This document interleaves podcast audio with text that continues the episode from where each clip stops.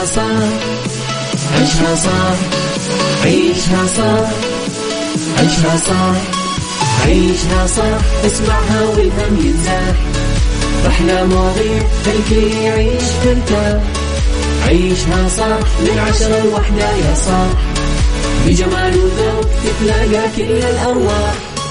فاشل واتيكيت يلا نعيشها صح beauty وديكور يلا نعيشها صح عيشها صح عيشها صح. على Mix FM يلا نعيشها صح. الآن عيشها صح على Mix FM. Mix FM هي كلها في ال mix. هي كلها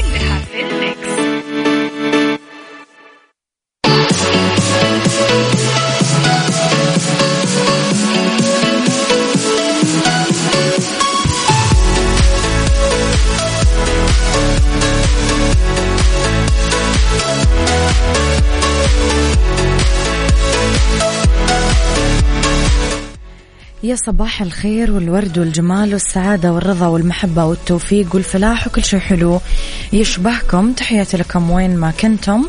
صباحكم خير من وين ما كنتم. تسمعوني أرحب فيكم. من وراء ال mic وال control أنا أميرة العباس. بيوم جديد صباح جديد حلقة جديدة ومواضيع جديدة على تردداتنا بكل مناطق المملكة. تسمعوني على رابط البث المباشر وعلى تطبيق Mix FM. أكيد Android و iOS. إحنا دايما موجودين. آه طبعا آه في ساعتنا الأولى أخبار طريفة وغريبة من حول العالم جديد الفن والفنانين وآخر القرارات اللي صدرت. ساعتنا الثانية قضية رأي عام وضيوف مختصين وساعتنا الثالثة آه فقرات مختلفة ومتنوعة. واليوم أكيد آه بما أننا في يوم الثلاثاء فساعتنا الثالثة تكون مع المركز الطبي الدولي. ارسلوا لي رسائلكم الحلوة مستمعينا وصبحوا علي وشاركوا معنا آه قولوا لي رأيكم في أخبارنا. قولوا لي إيش حابين تسمعون أغاني. قولوا لي كيف صباحكم على صفر خمسة أربعة ثمانية, ثمانية واحد, واحد سبعة صفر صفر وعلى at Mix FM Radio تويتر سناب شات إنستغرام فيسبوك جديدنا كواليسنا تغطياتنا وآخر أخبار الإذاعة والمذيعين. يلا بينا يلا بينا. عاد دغري عاد دغري. عيشها صح مع أميرة العباس على Mix FM. Mix FM هي كلها في ال mix. هي كلها في ال mix.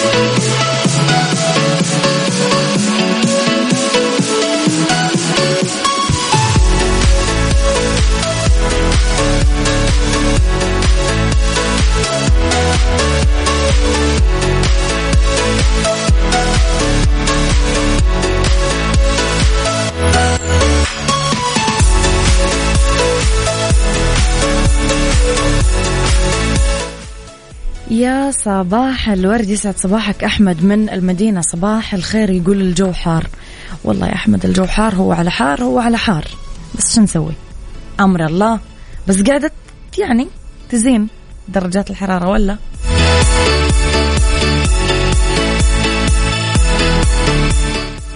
سوسن تقول زحمة. والله زحمة. ليه يا جماعة السلبية هذه على الصبح حر وزحمة ليه؟ مزعلكم.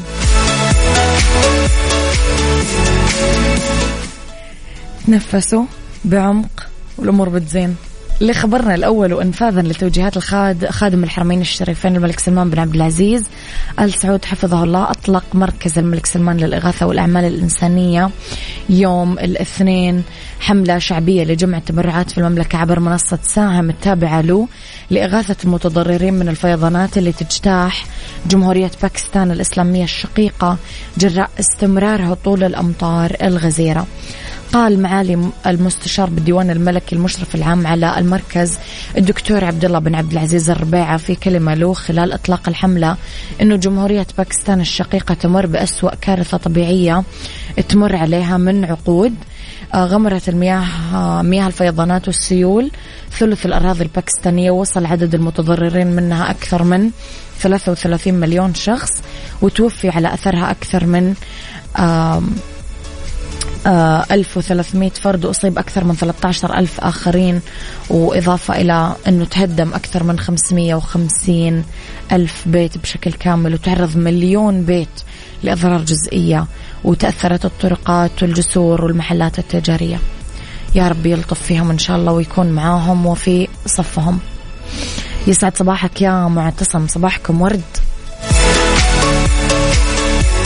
عيشها صح مع أميرة العباس على Mix FM. Mix FM هي كلها في ال mix. هي كلها في ال mix. عبد العزيز عبد العزيز من المدينة يقول لي صباح الخير عليكم. أنا لا أشوف لا حر ولا زحمة. الدنيا حلوة وروقان سلم لي على مزاجك يا عبد العزيز. أنت صف جنبي. أنا مثلك. أنا أطلع أشرب قهوة بعز الحر. وأقول والله الدنيا رايقة اليوم. وش ذا الكشخة؟ أدخل بنص الزحمة وأقول عادي خلي الوقت يزيد ربع ساعة وش المشكلة؟ الوضع ريلاكس. يا صباح الورد يا أبو عبد الملك يسعد صباحك.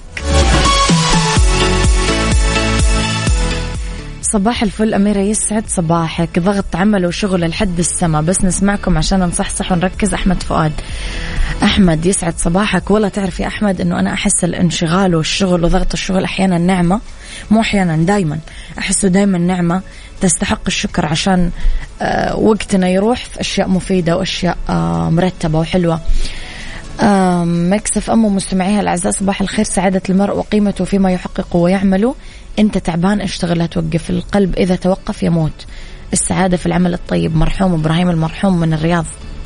كلام حلو كلام مليان. شاركت شيري عادل متابعينها الصورة من كواليس مسلسل الغراب في إنستغرامها. الغراب يضم عدد من الفنانين جنب شيري عادل آه الفنان السوري جهاد سعد رشا بن معاوية التونسية هشام الشاذلي محمود فارس إخراج محمد هاني تأليف سجى محمد الخليفات كشفت شيري عن اسم شخصيتها في المسلسل من خلال التعليق اللي حطته مع الصورة فاتن مسلسل الغراب. إخراج محمد هاني الكاتبة سجى محمد. يناقش المسلسل بكل حلقة موضوع جد مستقل وتدور أحداثه بإطار من التشويق والجريمة. عيشها صح مع أميرة العباس على Mix FM. Mix FM هي كلها في ال mix. هي كلها في ال mix. يا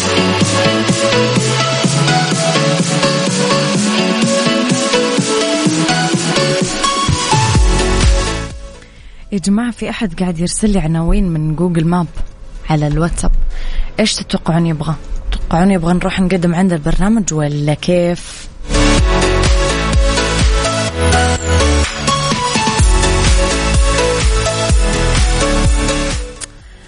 لخبرنا الثالث فرضت وزارة التربية والتعليم المصرية غرامة إنذار لانقطاع الطالب عن الدراسة حسب ما قالت وسائل إعلام مصرية تبلغ قيمة الغرامة 10 لا 10 جنيهات.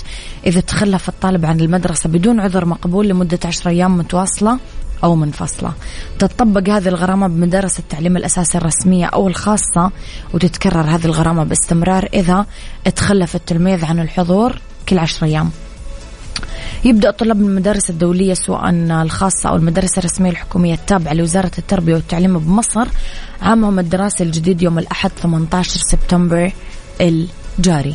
عيشها صح عيشها صح عيشها صح عيشها صح عيشها صح عيشها صح عيشها صح اسمعها والهم ينزاح. أحلى مواضيع خلي يعيش ترتاح عيشها صح من عشرة لوحدة يا صاح بجمال وذوق تتلاقى كل الأرواح. fashion واتيكيت يلا نعيشها صح beauty وديكور يلا نعيشها صح عيشها صح عيشها صح على Mix FM يلا نعيشها صح الآن عيشها صح على Mix FM. Mix FM هي كلها في ال mix. هي كلها في ال mix.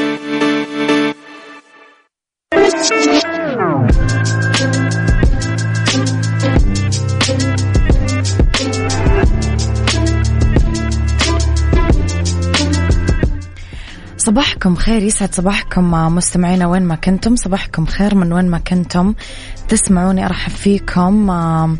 من وراء ال mic وال control أنا أميرة العباس في ساعتنا الثانية على التوالي واللي اختلاف الرأي فيها طبعا لا يفسد للود قضية. لولا اختلاف الأذواق طبعا لبارت السلع توضع مواضيعنا على الطاولة.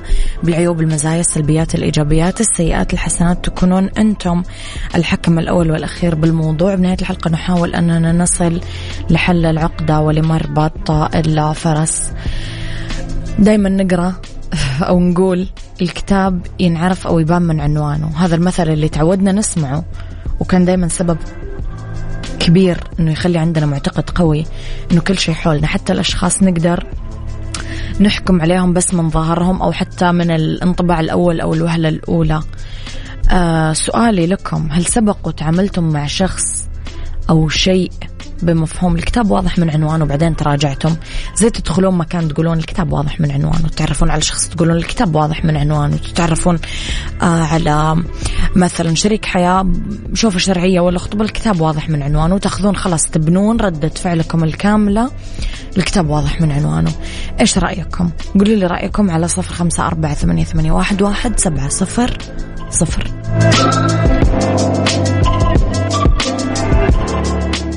عيشها صح مع أميرة العباس على Mix FM. Mix FM هي كلها في ال mix. هي كلها في ال mix.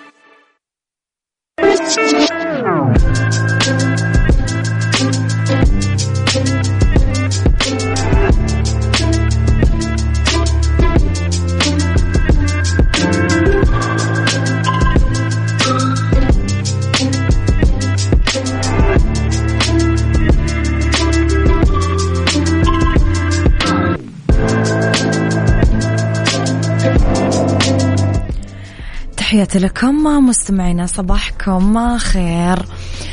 آه فراس فقيه يقول غلط نعامل الناس بأسلوب الكتاب باين من عنوانه. ولازم ما نحكم على أحد بمجرد عنوان لازم نقرأ ونعرف ونشوف المحتوى. يا جماعة وش كثر طاحوا ضحايا أصلا لهذا المثل؟ يعني لما تتعمق من خلال تجاربك خبرتك راح تلاقي إنه الكتاب بمعظم الأوقات أصلا ما له دخل بالعنوان. وكم واحد منا له تجاربه باقتناء الكتب. بعد ما يقرأ الكتاب اللي يشد انتباهه ويجذب هذا العنوان بيكتشف أنه هذا الكتاب بعالم والعنوان بعالم آخر.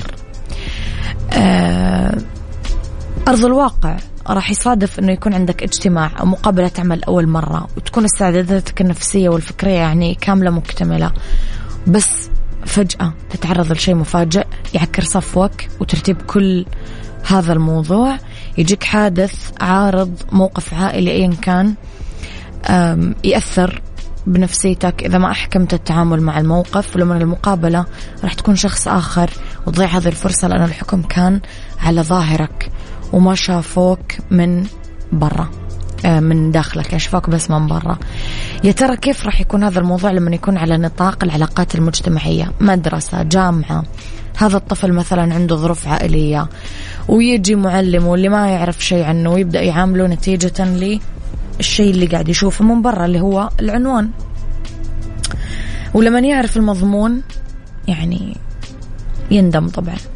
إذا جينا لعصر ال social media راح تلاقي مفبركين الأخبار يتفننون بصياغة العناوين للفت النظر وبعد الذهاب للموضوع راح تلاقي شيء بعيد كل البعد عن العنوان بس وسيلة لجذب الانتباه. وهنا يجينا الحقيقة أنه اعطوا هذا الكتاب فرصة ممكن يختلف الموضوع والمحتوى عن العنوان. ولا؟ إيش رأيكم يا جماعة؟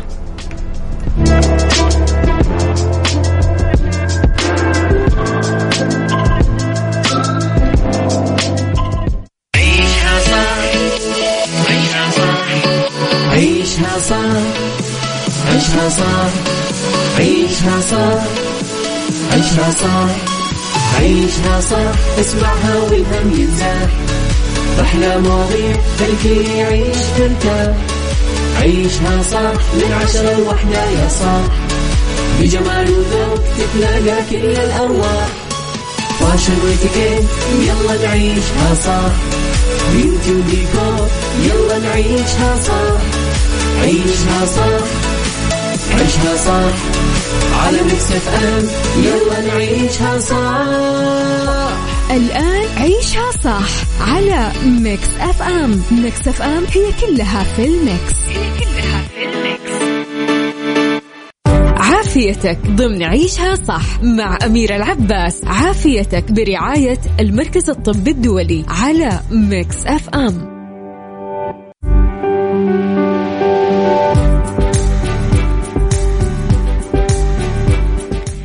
يا مساء الخير والجمال والسعادة والرضا والعافية والتوفيق والفلاح. تحياتي لكم وين ما كنتم مستمعينا مساكم خير. آه، في يوم الثلاثاء أكيد ينورونا المركز الطبي الدولي. يسمح لي أرحب بضيفي اليوم دكتور نبراس الصايغ استشاري الغدد الصماء من المركز الطبي الدولي. يسعد مساك دكتور. مساء الخير. أهلا وسهلا فيك في الاستوديو عندنا اليوم. دكتور اليوم رح نتناقش آه، إحنا وياك عن موضوع الغدة الدرقية. قبل ما نبدأ باي آه، سؤال اسمح لي أقول للمستمعين اللي عنده أي سؤال حابب يطرحه بخصوص موضوعنا اليوم يكتب لنا إياه على صفر خمسة أربعة ثمانية, واحد, سبعة صفر صفر. دكتور إيش هي الغدة الدرقية أصلا؟ إيش وظيفتها؟ طيب بسم الله الرحمن الرحيم. نبدأ بالغدة الدرقية. آه نبدأ نعرف إيش هي في مكانها.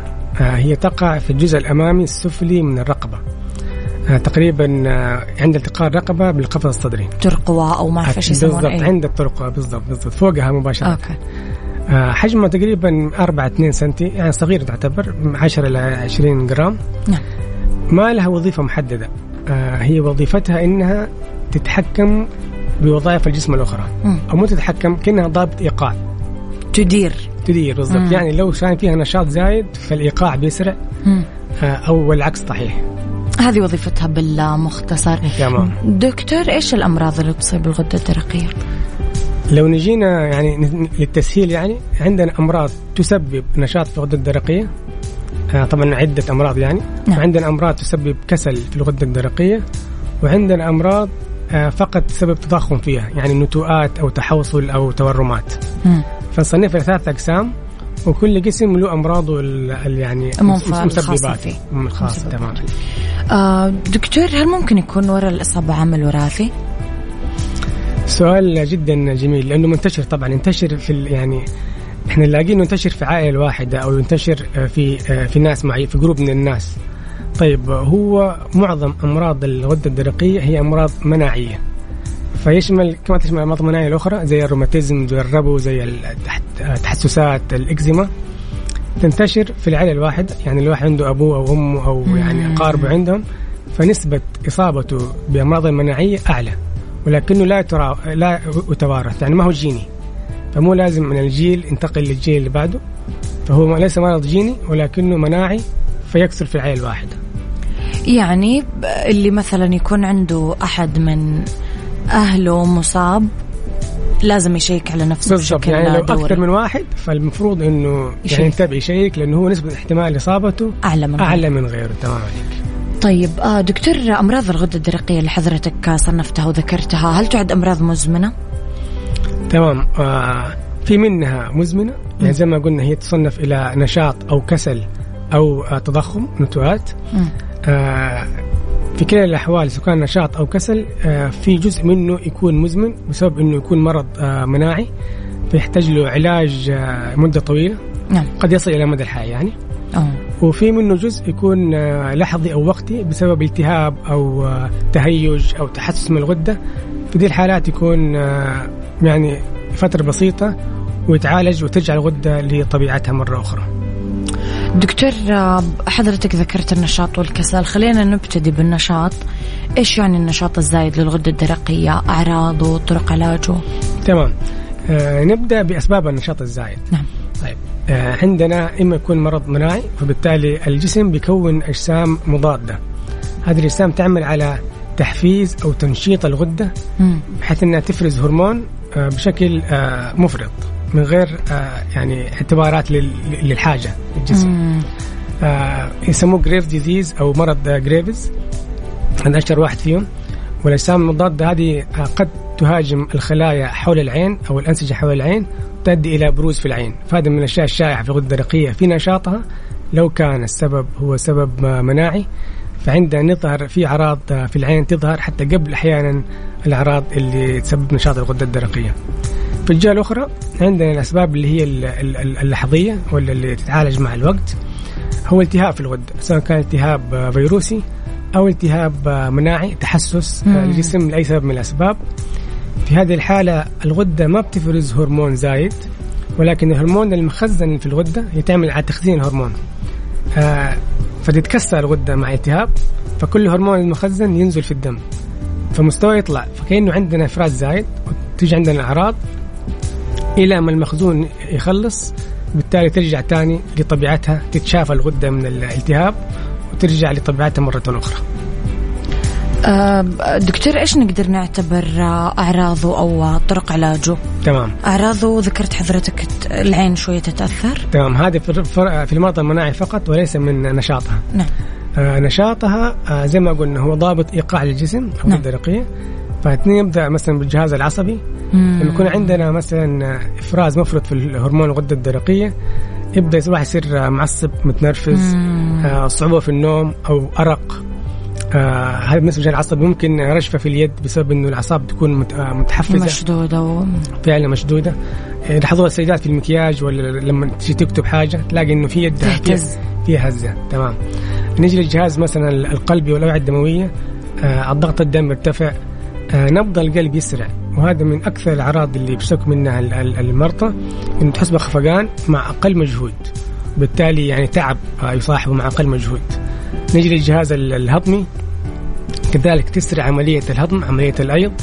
فالواحد بيخسر وزن آه، يحس إنه حران يحس إنه جيعان دائما آه، ممكن يجي له إسهال الله يكرمك. آه، كذلك بالنسبة للنساء الدورة الشهرية تتأثر غالبا تتلخبط. يعني. بالضبط. ويحصل معها خمول عام فتور وتعب. نعم. هذه الأعراض نشاط الغدة الدرقية أو إفراز المفرط للغدة الدرقية. عادة إيش يكون طرق علاجها دكتور؟ إذا كانت الأسباب هي أسباب وقتية زي التهاب أو تحسس, أو كذا. فنعطي فقط إذا كان في ألم في الرقبة أو انتفاخ في نفس الغدة نعطي مسكنات الألم اللي هي زي البروفين ومشتقات أو من نفس العائلة. آه، أحيانا نضطر نعطي كورتيزون. آه، بشكل مؤقت ستة ثمانية أسابيع إلى ما الالتهاب أو التحسس آه، يخف. تمام؟ يكون بشكل مؤقت طبعا.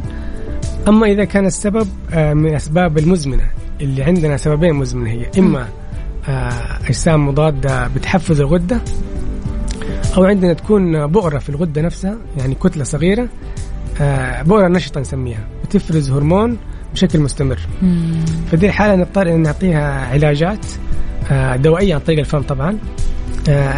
تعمل على تثبيط أو تقليل إفراز الهرمون من الغدة نفسها. العلاج قد يستمر لفترة يعني من شهور إلى سنوات. يعتمد حسب استجابة الشخص للعلاج وحسب آه، آه، كمية الأجسام المضادة اللي اللي يكونها الجسم. موجودة جوا جسمه وبعدين إذا فشل طبعا أحيانا نعطي علاج فترة طويلة وما نقدر نسيطر على الغدة. فبدي الحالة عندنا علاجات آه، بديلة عندنا علاج باليود المشع هو عبارة عن يود مشع يعطى عن طريق الفم نعم وظيفته إنه يكسر الغدة الدرقية أو يعني يدخل فيها ويكسرها من الداخل كأنها علاج جراحي بس عن طريق الادويه. بعدها الشخص يضطر إنه ياخذ علاجات تكميلية لهرمون الغدة لأنه الغدة تقريبا آه، انتهت أو أو ماتت. اذا هذا كان عندنا له اي موانع فنضطر إلى الجراحه بالتسلسل يعني اول دوائي ما ما الدواء ما نفع آه، نلجا للعلاج الاشعاعي اللي يحتاجه آه، ولود المشع بالاصح اذا ما كان برضو آه، قابل يعني في عندنا موانع فنلجا للجراحه واستئصال كامل الغده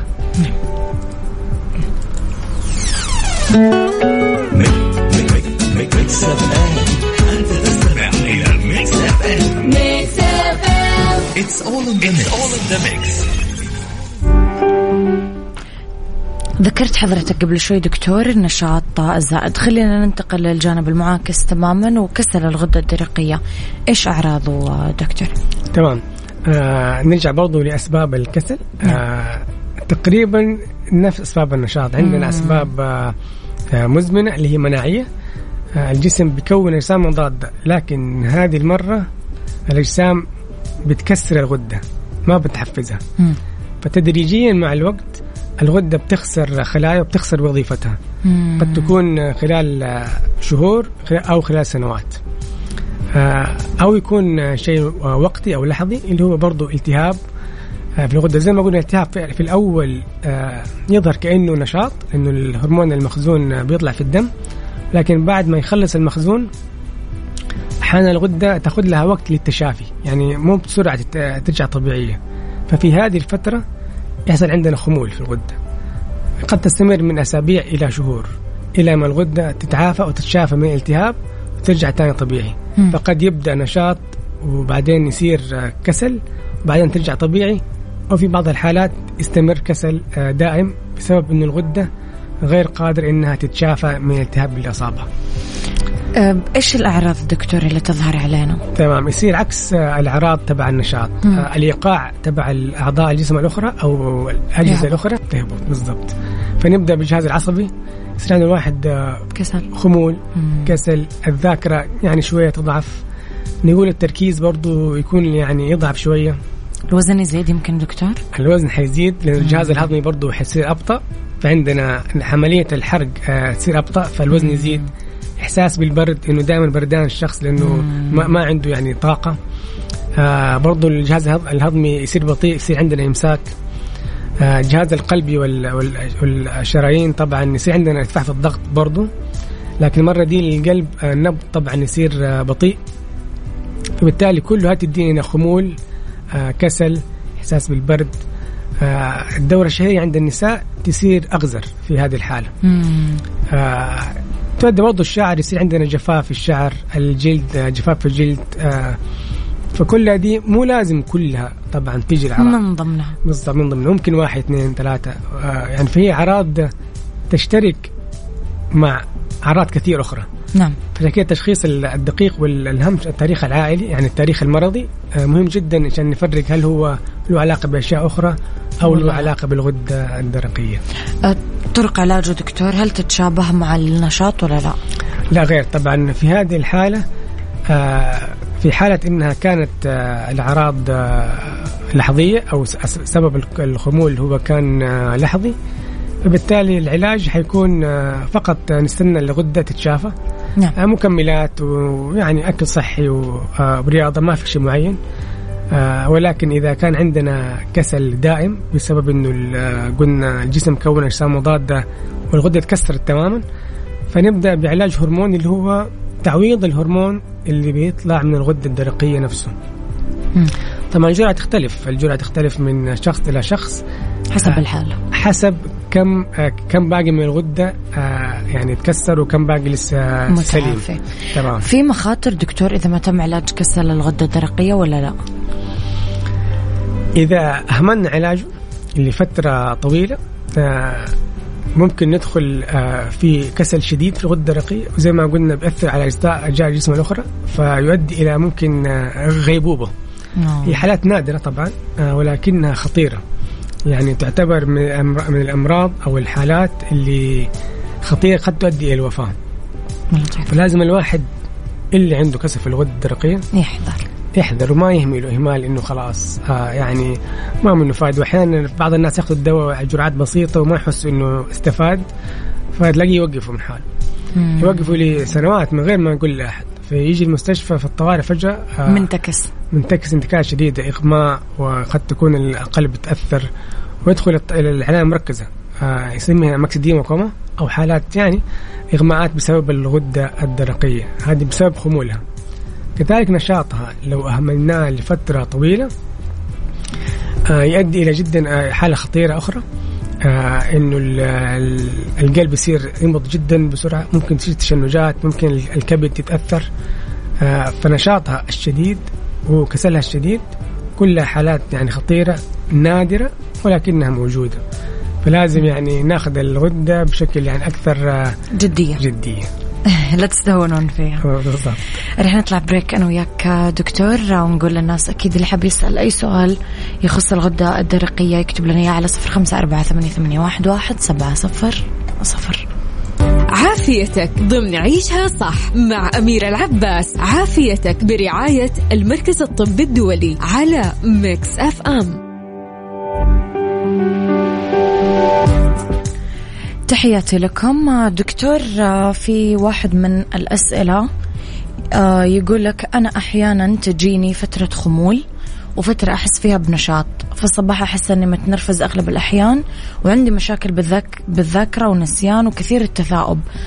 هل أعراضه وراها غدة درقية ولا لا يعني هل تنصحوا يشيك طبعا إحنا زي ما قلنا أعراض غدة درقية تتشارك مع آه، كثير من الأخرى الثانية. بالضبط من الاكتئاب من سواء كان أحياناً. نوم إجهاد تمام آه، نقص فيتامينات آه،. نقص تغذية فأعراضه هي طبعا عامة الخمول الكسل آه، إذا كان بس في الصباح ممكن النوم مو كويس فيعني لازم يعني ممكن يسيك الغدة أكيد يعني أفضل إذا كان حاول إنه ينام كويس ويأكل كويس والأعراض مستمرة ممكن ولكنها زي ما قلنا عامة وليست يعني إيش محددة للغدة الدرقية دكتور سؤالنا القادم يوديني على أحد أسئلة المستمعين أه سؤالي هل تقدر المرأة تحمل وهي عندها كسل في الغدة الدرقية؟ تمام طيب كسل الغدة الدرقية آه، لا يعتبر من موانع الحمل مم. آه، ولكن اللي عندها كسل يعني مشخصة بقول كسل لازم آه، تكون الغدة الدرقية أو مستوى الهرمون في الدم منتظم قبل الحمل يعني السيدة مم. خلاص مخططين للحمل إن شاء الله فتروح الطبيب وتشيك على هذا. الغدة آه تمام الهرمون على أساس لأنه لو كان في كسل خاصة إنه في أول 12 أسبوع آه بيأثر على الحمل نفسه وبيأثر على الجنين يعني كسل الغدة في أول الحمل آه في مرحلة تكون الأعضاء آه ممكن الجهاز العصبي للجنين ما يتكون بشكل كويس مم. وأكثر شيء يأثر على الذكاء. يعني ذكاء الجنين لما تولد. و- ويؤثر برضه على اكتمال الحمل. يعني ممكن الحمل يصير عندنا اجهاض مبكر إذا كان عندنا كسل في الغدة. فهي أصلا من تحاليل الحمل الروتينية. آه نعمل تحليل الغدة اللي ما عندها مشخصة قبل كده. أما اللي قبل كده عندها كسل في الغدة لازم تهتم بعلاجها. ويكون مستوى الهرمون في مستوى الطبيعي قبل آه ما تخطط آه للحمل. دكتور واحد من الأسئلة كان يقول لك هل آه، موضوع الغدة الدرقية موضوع لازم ينتبه هو قاعد يتكلم عن فترة الخطوبة هل مهم ينتبه عليه في عروسته؟ هل راح يأثر على أطفاله؟ هل راح يعني هو كبر الموضوع شوي إيه. أعتقد. دكتور ولا إيش رأيك؟ تمام. طب إحنا قلنا هو ما غير وراثي. فما يتوارث فما يجي الاطفال هذا شيء واحد. الشيء الثاني قلنا ما يأثر على الحمل. يعني السيده اللي هو تاخذ العلاج بشكل آه، منتظم تحمل تحمل بشكل طبيعي من غير أي مضاعفات. بإذن الله. آه فلا مو لازم. توكل على الله يعني تزوج. خلاص. قول مبروك. نقول مبروك. دكتور آه، تكلمنا عن الكسل وتكلمنا عن النشاط نروح شوية للتضخم. تمام. إيش يعني تضخم الغدة الدرقية وكيف تتشخص؟ طب آه، قبل التضخم ممكن نقول في ال- النشاط في الحمل كذلك. آه نفس آه، الشيء. نفس الشيء آه ولكن أدوية ال ال ال الأدوية اللي نستخدمها لعلاج. الغده الدرقية مم. آه لنشاطها آه قد تؤثر على الجنين فبالتالي آه دائما السيدة لو كانت متزوجة وفي خطط للحمل فالعلاج يختلف نوعا ما يعني العلاج ال- ال- الدوائي آه ممكن يسبب تشوهات آه في الجنين طبعا نادرة ولكنها موجودة. محتملة. فبدل ما ناخذ الريسك في اي واحدة عندها نشاط في الغده ويعني متزوجه بتحمل فالأفضل إننا نتجه للعلاج باليود المشع أو العلاج الجراحي آه بدل ما نعالج عن طريق ال- الأدوية أو ممكن نعالج الأدوية ب- يعني نستنى على الغدة إنها تنتظم ونوقف العلاج آه تبع النشاط قبل الحمل. فبالنسبة للكسل ما يأثر على الحمل ولا شيء ولكن النشاط نفس العلاج بتأثر وليست الغده نفسها. لازم ننتبه على الموضوع هذا. فممكن دكتور البنت تقدر تعالجه قبل ما تحمل ممتاز. هذا اللي نبغاه. قبل ما تحمل. نعالج الغدة. أفضل شيء. بالضبط. طيب إيش يعني دكتور تضخم الغدة الدرقية وكيف يتم تشخيصه؟ طيب آه تضخم قد يكون تضخم آه بسبب إنه عندنا آه كتلة أو نسميها حويصلة. عقدة. آه في الغدة الدرقية في أحد الفصوص عندنا واحد اثنين وثلاثة يعني ممكن متعددة. قد تكون هذه العقدة زي ما قلنا في الأول نشطة أو بؤرة نشطة فبالتالي تدي نشاط. وقد تكون إنها عقدة أو يعني فقط ما تحوصل ما لها وظيفة. يعني ما يعني الوظيفة شغالة طبيعي. فقط شكليا تتضخم.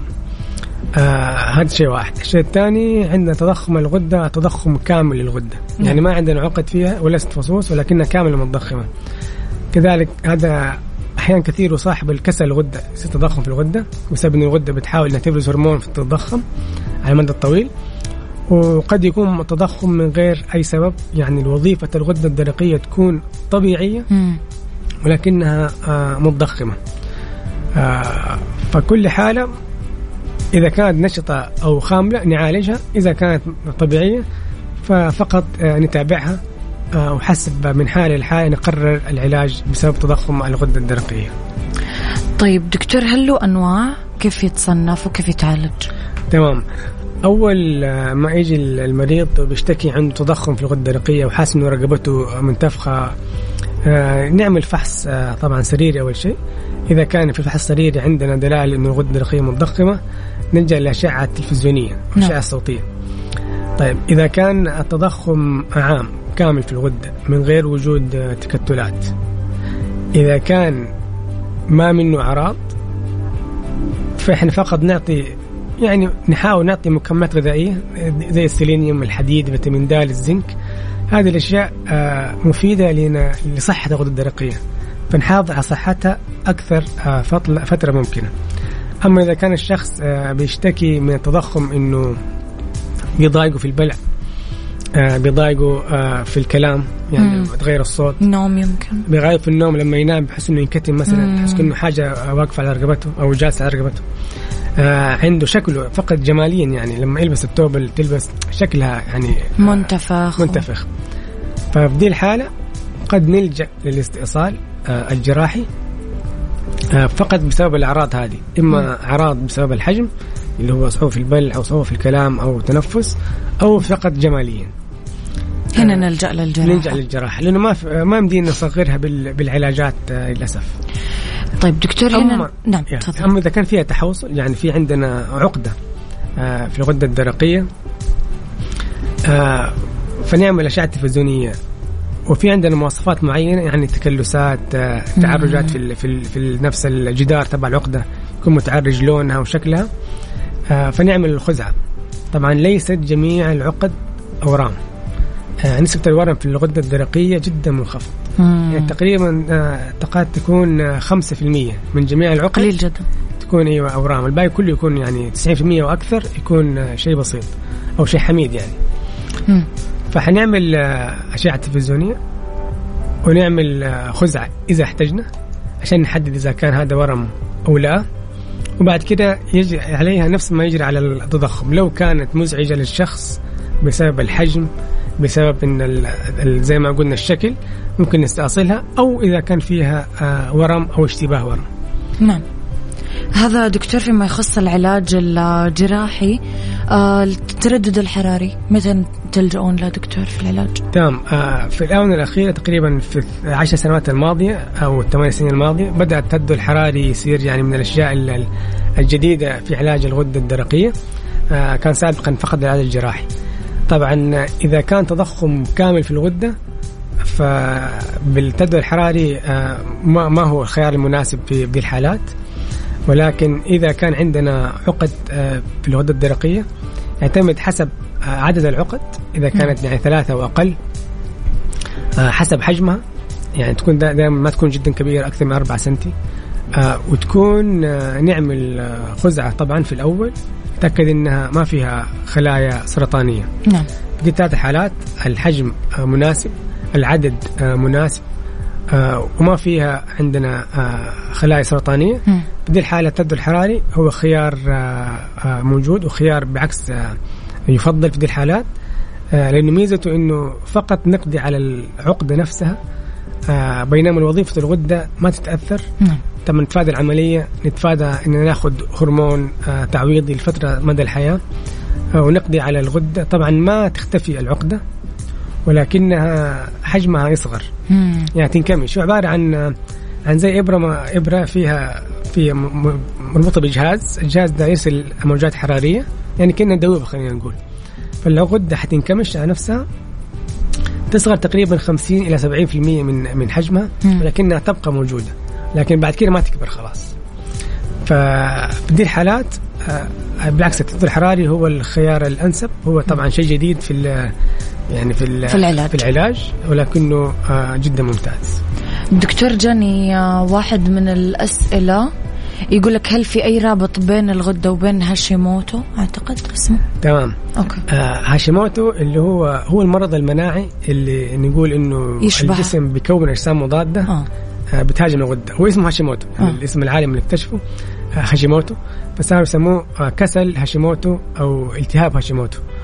فهو نفس المرض بس إنه هذا اسمه اسمه العلمي آه. Hashimoto thyroiditis أو التهاب هاشيموتو اللي هو اجسام مضاده بتكسر الغده ويحصل كسل غالبا مدى الحياة. أوكي. دكتور سؤالي الأخير إيش النصيحة اللي حضرتك تقدمها للمستمعين للوقاية من أمراض الغدة الدرقية؟ طيب آه نصيحة يعني اللي مقسمة إلى جزئين. الناس اللي بياخذ اللي أوريدي مشخصين عندهم آه، كسل أو نشاط فلازم يلتزموا بالعلاج آه مهم جدا. عشان يتجنبوا المضاعفات. آه مضاعفات ال- طويلة الأمد اللي واحد آه، غير يسيطر على الغدة قد آه، تكون على القلب على الضغط قد تكون على العظام هش- هشاشة أو ما أو ما شابه ذلك. قد تكون على الحمل زي ما قلنا صعوبة في الحمل أو أو تأخر في الحمل. فاللي عنده مشخص في الغدة لا يتهاون أبدا بالعلاج. والعلاج لازم تبع الغدة الكسل الغدة يعني له كده طقوس معينة. لازم الحبة تتاخد على معدة فاضية. مم. آه، صيام أقل شيء أربع ساعات. مم. وبعدها أقل شيء ساعة ما يأكل شيء خاصة القهوة وأي شيء فيه آه، كالسيوم. بالنسبة للنشاط كذلك لازم يلتزم بالعلاج لتفادي المضاعفات. النصيحة للناس اللي ما عندهم غدة. يعني أو عندهم فقط آه، تاريخ عائلي. يعني عنده أخ في العائلة الأم والأب ولا. في دي الحالات يحاول الأعراض اللي قلناها كسل أو نشاط يعني انتبه لها. والفحص المبكر دائما العلاج المبكر آه، نتفادى به آه، معظم آه، مضاعفات الغدة الدرقية نشاطا أو كسلا. دكتور يعطيك ألف عافية. نورت حلقتنا الله اليوم. يعافيك يا رب. أشكرك. بالعكس شكرا للاستضافة. الله يسعدك يا رب. دكتور نبراس الصايغ إذا استشاري الغدد الصماء من المركز الطبي الدولي. تكلمنا اليوم على الغدد الدرقية اللي فات الحلقة. أكيد تقدرون ترجعون تسمعونها في ال application على Mix FM Android و iOS. تحياتي لك دكتور. أشكرك. شكرا لكم.